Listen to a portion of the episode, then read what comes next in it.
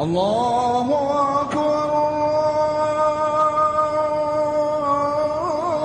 الله أكبر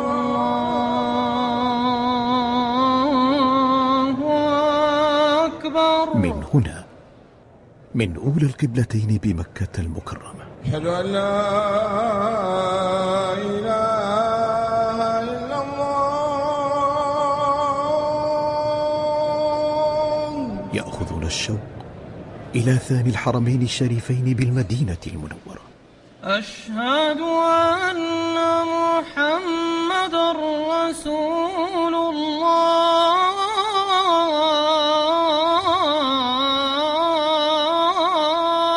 من روضة المصطفى صلى الله عليه وسلم لنستشعر الجوار وننعم بما يفيض علينا شرف المكان من دروس العلم والمعرفة مع فضيلة شيخ الدكتور إبراهيم ابن عامر الرحيلي المدرس بالمسجد النبوي الشريف. والإخلاص لله عز وجل هو أن يعمل العبد العمل يتقرب به إلى الله عز وجل يرجو ثوابه من الله.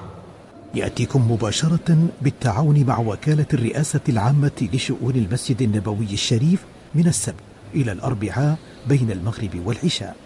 ويعاد قبيل صلاة الفجر. إذاعة نداء الإسلام من مكة المكرمة. أصلها ثابت وفرعها في السماء. بسم الله الرحمن الرحيم. الحمد لله رب العالمين والصلاة والسلام على عبد الله ورسوله نبينا محمد وعلى آله وصحبه أجمعين أما بعد.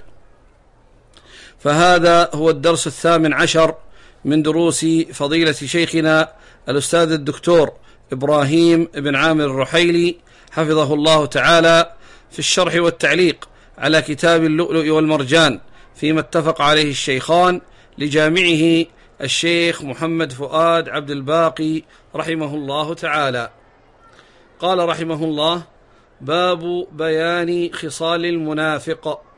حديث عبد الله بن عمرو رضي الله عنهما أن النبي صلى الله عليه وسلم قال أربع من كن فيه كان منافقا خالصا ومن كانت فيه خصلة منهن كانت فيه خصلة من النفاق حتى يدعها. إذا اؤتمن خان وإذا حدث كذب وإذا عاهد غدر وإذا خاصم فجر. بسم الله الرحمن الرحيم. الحمد لله رب العالمين وصلى الله وسلم وبارك على عبده ورسوله محمد وعلى آله وصحبه أجمعين. أما بعد نواصل درسنا في الشرح والتعليق على كتاب اللؤلؤ والمرجان فيما اتفق عليه الشيخان رحمهم الله تعالى. قال المصنف رحمه الله باب بيان خصال المنافق. وهذه الترجمة هي من صنيع شراح الإمام مسلم صحيح الإمام مسلم وهي للإمام النووي. باب بيان خصال المنافق. يعني الصفات والخصال التي تكون في المنافق. وذكر تحت هذه الترجمة حديثين الحديث الأول حديث عبد الله بن عمر رضي الله عنهما أن النبي صلى الله عليه وسلم قال أربع من كن فيه كان منافقا خالصا. أربع يعني أربع خصال وأربع أعمال. من كن فيه من اجتمعنا فيه من الرجال أو النساء كان منافقا خالصا. كان هذا الذي اجتمعت فيه هذه الخصال كان منافقا خالصا. النفاق هو مخالفة الظاهر للباطن. النفاق مخالفة الظاهر للباطن. فإذا كانت هذه المخالفة في أصل الدين بحيث يظهر المنافق النطق بالشهادتين الدخول في الإسلام ويبطن الكفر فهذا هو النفاق الأكبر. وإن كان المنافق قد دخل في أصل الإسلام ونطق بالشهادتين مخلصا لله لكن يقع له النفاق في شعب الإيمان. في مثل هذه الخصال في عدم صدق الحديث وفي الخيانة وفي الفجور في الخصومة فهذا هو النفاق الأصغر الذي لا يخرج من الملة. وكل من النوعين يشترك في الأصل الذي حد فيه العلماء النفاق به وهو مخالفة الظاهر للباطن. وهذه الخصال هي في النفاق الأصغر.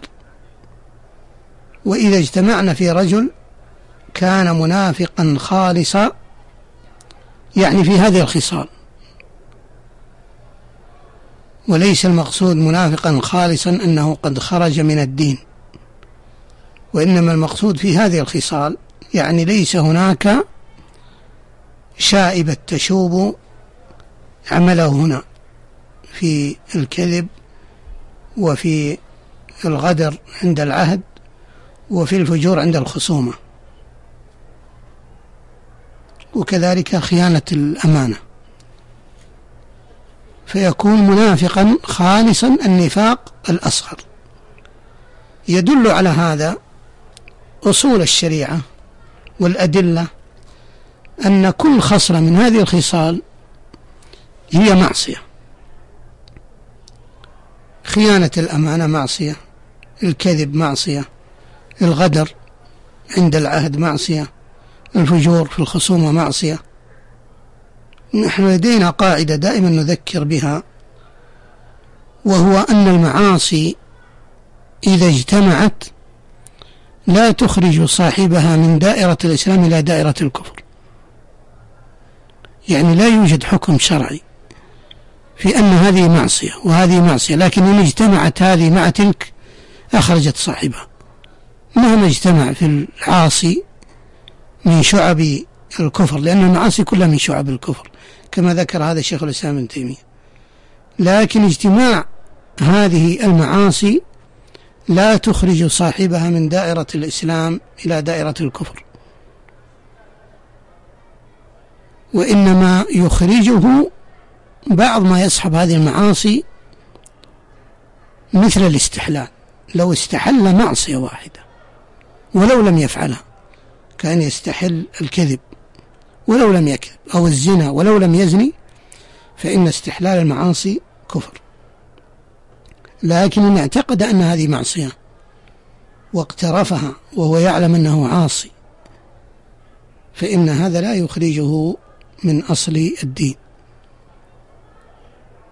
وهذا أصل أهل السنة الذي فارقوا فيه الخوارج والوعيدية والمرجئة. المرجئة يقولون المعاصي لا تضر الإيمان والمعتزلة يقولون المعصية تجعل صاحبها في منزلة بين المنزلتين ليس بمؤمن ولا كافر. والخوارج يقولون تخرجه من أصل الدين إلى الكفر. ثم يتفق كل من الخوارج والمعتزلة على أن صاحب المعصية أنه خالد مخلد في نار جهنم. وأما أهل السنة فيقولون المعاصي تنفي عنه الكمال الواجب ولا تنفي عنه أصل الإيمان. إذا هذه الخصال كما هو ملاحظ كلها من المعاصي. ودائما العلماء يخرجون الفروع على الأصول. هذه أصل عظيم جدا معروف عند العلماء وهو تخريج الفروع على الأصول. هنا هذه الألفاظ أو هذا اللفظ كان منافقا خالصا قد يفهمه منه الجاهل أن هذا دليل على النفاق الأكبر. لكن إذا عدنا للأصول ورجعنا للأدلة نجد أنها مفسرة لهذا اللفظ ولهذا القول من النبي صلى الله عليه وسلم. قال أربع من كن فيه كان منافقا خالصا يعني أنه خالصا في هذه الخصال ولم يشوب فعله شيء وإنما هو تقوم به الشعبة كاملة وهي شعبة من شعب النفاق. ومن كانت فيه خصلة منهن كانت فيه خصلة من النفاق. من كانت فيه خصلة من هذه الخصال الأربع ففيه خصلة من النفاق. والخصلة هي الشعبة التي هي من شعب الكفر أو من شعب النفاق. من كانت فيه خصلة أو عمل من هذه الأعمال ففيه خصلة من النفاق. هذا دليل على أن اجتماع المعاصي أنه ليس كانفراد بعض المعاصي. ذكرنا أن المعاصي إذا اجتمعت أنها لا توجب الكفر لكنها تزيد في العقوبة. فمن اجتمعت فيه أربع خصال من خصال النفاق فعقوبته أشد ممن وجدت فيه خصلة واحدة ولهذا قال النبي صلى الله عليه وسلم من كانت فيه خصلة منهن كانت فيه خصلة من النفاق حتى يدعها. هذا رحمة من الله. وهو أن المسلم مهما اقترف من الذنوب إذا تاب إلى الله عز وجل وترك الذنب تائبا لله عز وجل فإن التوبة تمحو ما قبلها. كما قال النبي صلى الله عليه وسلم كل ابن آدم خطاء وخير الخطائين التوابون. فقول النبي صلى الله عليه وسلم حتى يدعها هذا أيضا مقيد. يدعها احتسابا وتوبة. لا أن يدعها عجزا لأن بعض الناس يفعل المعاصي ثم يعجز عنها بعد ذلك. فقوله حتى يدعها يعني يحتسب الأجر في ترك المعصية والتوبة إلى الله عز وجل منها. ثم ذكر النبي صلى الله عليه وسلم هذه الخصال. قال إذا أؤتمن خان. إذا أؤتمن يعني استأمنه مسلم. والأمانة كلمة عظيمة تطلق على كل أمر عظيم. يودع لدى من يؤتمن عليه. والأمانة قد تكون متعلقة بالأموال قد تكون متعلقة بالأعراض وقد تكون متعلقة بالكلام والأسرار. حتى المجالس بالأمانة. فالأمانة شأنها عظيم. وإذا اؤتمن المسلم فإنه يجب عليه أن يؤدي هذه الأمانة وأن يحفظها. والنبي صلى الله عليه وسلم كان قبل البعثة كان يلقب بالأمين. وكانت قريش تستودع عنده الأمانات وكان يحفظها عليه الصلاة والسلام. فلقب بالأمين. لحفظه للأمانة. وجاء الإسلام مؤكدا لهذه الخصال التي كانت في العرب في الجاهلية وحفظ الأمانة كانت معروفة عندهم. جاء الإسلام مؤكدا لها. وترتبت أيضا العقوبة على الخيانة خيانة الأمانة. خيانة الأمانة كبيرة من كبائر الذنوب وهي شعبة من شعب النفاق. قال إذا اؤتمن خان يعني خان هذه الأمانة.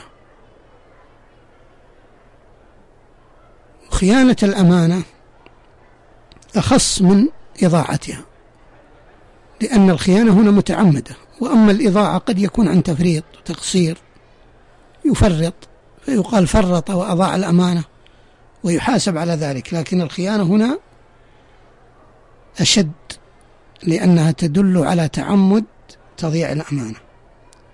إذا اؤتمن. خان. والنبي صلى الله عليه وسلم هنا لم يبين من المؤتمن. هل هو مسلم أو كافر. فدل على هذا على أن المسلم إذا اؤتمن من مسلم أو كافر من مطيع أو عاصي يجب عليه أن يحفظ الأمانة. أدي الأمانة لمن ائتمنك ولا تخن من خانك كما جاء في الحديث. الخصلة الثانية قال وإذا حدث كذب.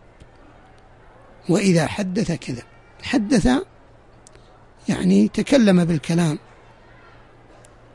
ونقل الأخبار لكن على وجه الكذب. إذا حدث كذب. والكذب هو مخالفة الخبر للواقع. فإن تعمده يكون معاقبا محاسبا عليه.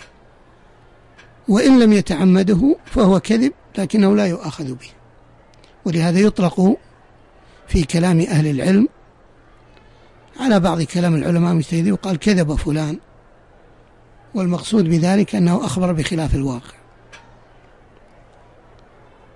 إذا حدث كذب الكذب كبيرة عظيمة من كبائر الذنوب وهي تمنع من الشهادة والرواية ولا يوثق بكذاب. إذا حدث كذب يعني أخبر بخلاف الواقع. وإذا عاهد غدر العهد هو عقد موثق. ومنها العهود في السلم بين المسلمين وبين غيرهم وبين الناس أن يتعاهدوا على عدم الحرب والسلم. فإذا غدر المعاهد فهذه شعبة من شعب النفاق. إذا عاهد غدر والغدر هو أن يغفر بالعهد ولا يفي بعهده وهي شعبة عظيمة من شعب النفاق. قال في الخصل الرابع وإذا خاصم فجر. وإذا خاصم فجر. الخصومة هو ما يقع بين الناس فيما يختلف الناس فيه. قد تكون خصومة على مال أو على أرض أو على عقار. وقد تكون خصومة في كلام أو سباب يرفع فيه إلى القاضي وتطلق الخصومة حتى على الاختلاف بين العلماء كما يقول بعض العلماء اختصم العلماء في هذه المسألة. يقصد أنهم اختلفوا. قال النبي صلى الله عليه وسلم إذا خاصم فجر. ولم يقل إذا خاصم. لأن الخصومة قد تكون بحق. كما قال الله عز وجل هذان خصمان اختصموا في ربهم. فالمؤمنون خصوم للكفار بحق. فالخصومة ينبغي أن تكون بعدل. فإذا فجر في الخصومة فإن هذه شعبة من شعب النفاق. والفجور هو تجاوز الحد. تجاوز الحد في الخصومة. مثال الفجور في الخصومة أن بعض الناس إذا وقعت بينه وبين آخر خصومة ادعى بالباطل قال حتى أسترد حقي. مثال ذلك أن يكون له عشرة ألاف عند رجل فيرفع فيرفع للقاضي إن لي عند فلان عشرين ألف. يقول له الناس لماذا لك عشرة؟ قال لعل القاضي يطلب نصفه فأخذ حقي كاملا وأنا لو أعطاني عشرين لن أخذ إلا عشرة. هذا جهل وكذب. ولا يدري هذا المسكين الذي ادعى وخاصم بأن يطلب بأكثر مما لا قد يموت ويطالب الورثة بعده بهذا الحق فيدخلون عليه الحرام. وحتى لو لم يأخذ إلا حقه فإن هذا من الفجور في الخصومة لأنه تجاوز الحد يدعي بما له. وكذلك لا يجوز الكذب. بعض الناس إذا خاصم يطعن في خصمه بما ليس فيه. لو ظلمك في مال لا تقل كذاب. لو ظلمك في مال لا تقل شارب خمر. يعني أن, يرج أن يطعن الخصم بما ليس فيه. بل حتى الأمور التي هي خارجة عن الخصومة لا ينبغي أن تذكر. فما علاقة شرب الخمر بالخصومة. هذا من التشهير. فيدعي بما له ويطالب حقه. وهذا حال المؤمن أنه له أن يعفو وله أن يخاصم بعدل. أما الفجور في الخصومة فإنها من شعب النفاق. يلاحظ أن هذه الخصال الأربع كلها فيها مخالفة بين الظاهر والباطن. ومن هنا دخلت هذه الشعب في النفاق لأنه كما قلنا النفاق مخالفة الظاهر للباطن. الخصلة الأولى إذا اؤتمن خان كيف يخالف الخائن آه، الباطن؟ لأنه في الباطن في الظاهر أنه يدعي الأمانة ويظهرها حتى وثق الناس به وأودعوه الأمانات. فخان فباطنه يخالف ظاهره. فمن هنا دخلت الخيانة في شعب النفاق. الكذب كذلك يظهر قولا خلاف الباطن الباطن شيء والظاهر شيء وهو يعلم الكذب. فيكون دخل في شعبة من شعب النفاق لأن ظاهره يخالف باطنه. والواجب أن ينطق بلسانه ما يعتقد في قلبه. سواء كان خصال الإيمان يقول أعتقد كذا وأشهد كذا وقلت كذا فيكون صادقا في قوله. وإذا عاهد غدر كذلك المعاهد يظهر الوفاء بالعهد ثم يغدر. فهذه فيه مخالفة بين الظاهر والباطن. إذا خاصم فجر كذلك الفجور في الخصومة مخالفة للواقع. الواقع أن الخصومة محصورة في أمر معين في مال معين وفي ألفاظ معينة حتى عندما يتكلم في خصمه يتكلم فيه بعدل. فإذا تكلم فيه بغير عدل وهو يعلم أن هذا الكلام باطل يكون هنا دخل في شعبة من شعب النفاق وخالف ظاهره باطنه. ومن هنا دخلت هذه الشعب في النفاق. نسأل الله أن يخلصنا والمسلمين منها. ومن كل شر وفتنة وبلاء. حديث أبي هريرة رضي الله عنه عن النبي صلى الله عليه وسلم أنه قال آية المنافق ثلاث إذا حدث كذب وإذا وعد أخلف وإذا اؤتمن خان.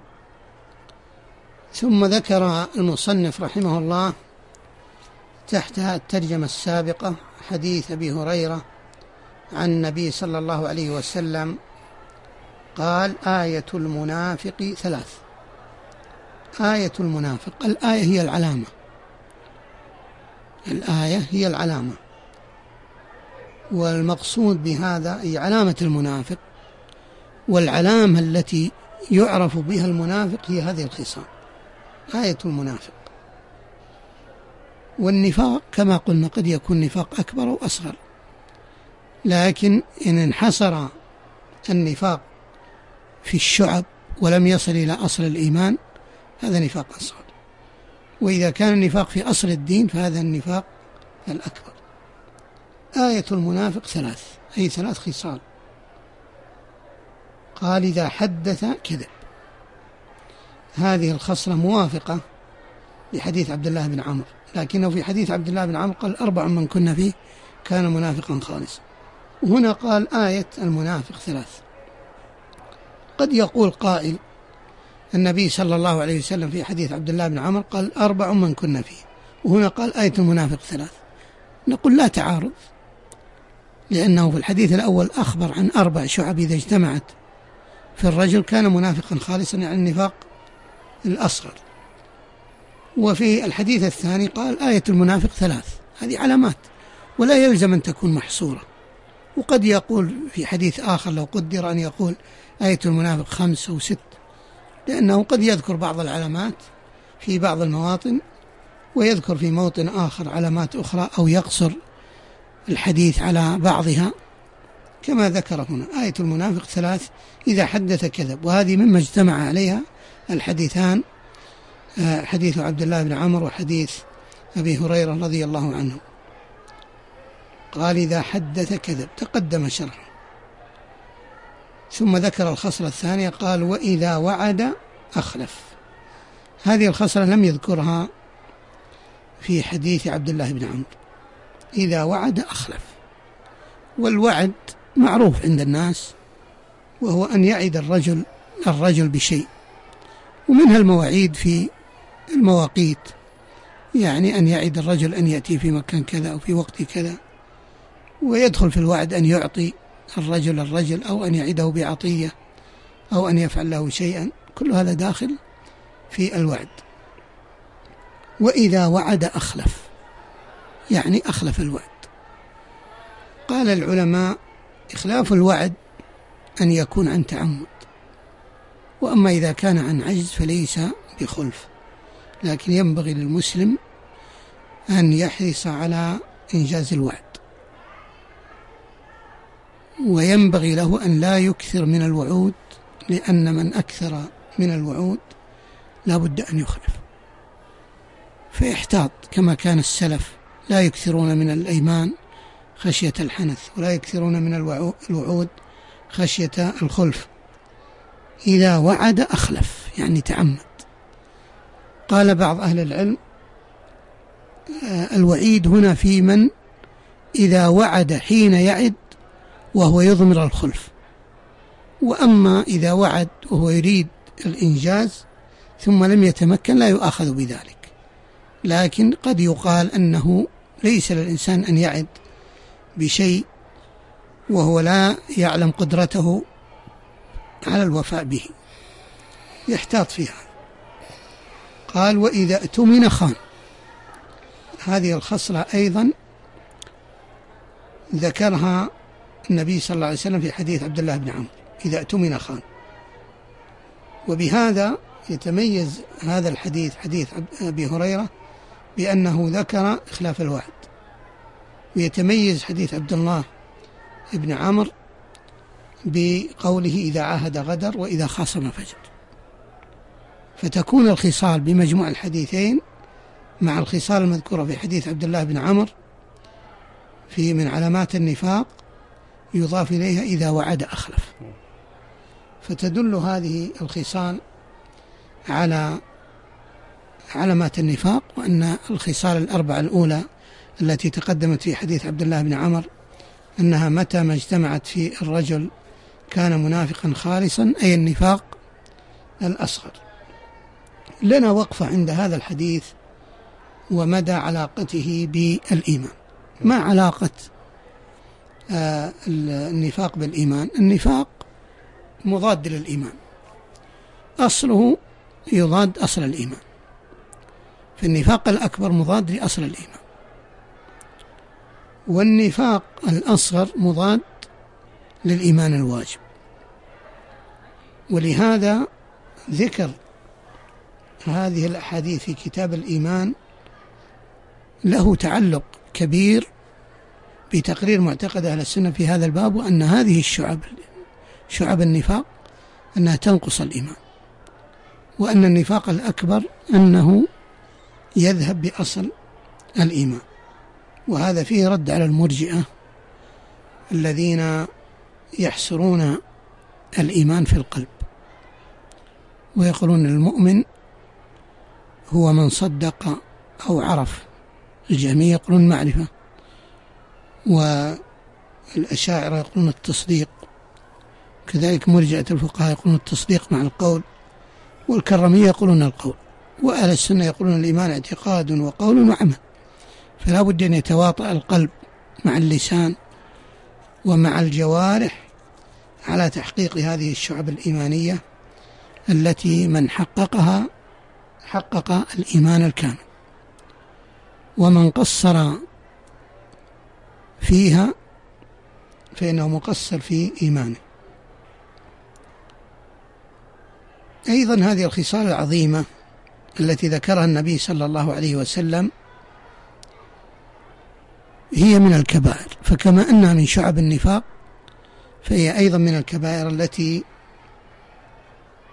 تؤثر في الإيمان تأثيرا كبيرا كما تقدم في الأحاديث السابقة في نفي الإيمان على لارتكاب بعض الكبائر فكذلك هنا قد يقال أن مثل هذه الخصال أنها توجب نفي كمال الإيمان الواجب. المعاصي توجب نفي كمال الإيمان الواجب.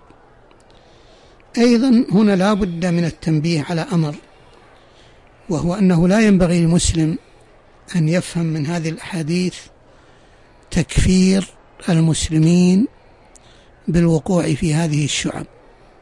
أقصد هذه الأحاديث التي ذكرها النبي صلى الله عليه وسلم من رواية عبد الله بن عمرو وحديث أبي هريرة وغيرها من الأحاديث. فإن هذه كلها من شعب النفاق الأصغر وليست من شعب النفاق الأكبر. والمسلم في مثل هذا المقام في مثل هذه الأحاديث ينبغي أن يكون على حذر من ورطتين أو من شبهتين كما يقول العلماء ورطة التكفير وورطة الإرجاء. فلا ينبغي أن تحمله هذه الأحاديث على التكفير المسلمين. ولا ينبغي أن تحمله هذه الأحاديث كما تقدم في حديث أبي ذر في الدرس الماضي قول النبي صلى الله عليه وسلم من قال لا إله إلا الله دخل الجنة. قال أبو ذر وإن زنى وإن سرق قال وإن زنى وإن سرق. فلا ينبغي أن يفهم من هذا الحديث أن الزنا والسرقة لا تضر الإيمان كما يقول المرجع. بل هذا الحديث كما أشرت لهذا في الدرس الماضي لأنه يدل على أن هذا المسلم يدخل الجنة. مآل لدخول الجنة؟ لكنه قبل دخول الجنة قد يطهر بارتكاب هذه الذنوب بدخول النار. كما دلت على ذلك الأدلة. من المسائل التي ينبغي أن ينبه عليها في شرح هذه الأحاديث أنه ينبغي للمسلم الحذر كل الحذر من هذه الشعب الخطيرة التي بين النبي صلى الله عليه وسلم أنها من شعب النفاق.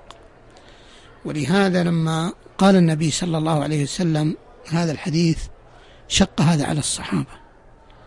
فجاء عن ابن عمر وابن عباس رضي الله عنهما أنهما جاء للنبي صلى الله عليه وسلم لما قال هذا الحديث قالوا إنه همنا هذا الحديث. فقال النبي صلى الله عليه وسلم لا عليكما إنما قصدت بذلك المنافقين. ثم تكرر هذا الأمر في عهد سعيد بن المسيب.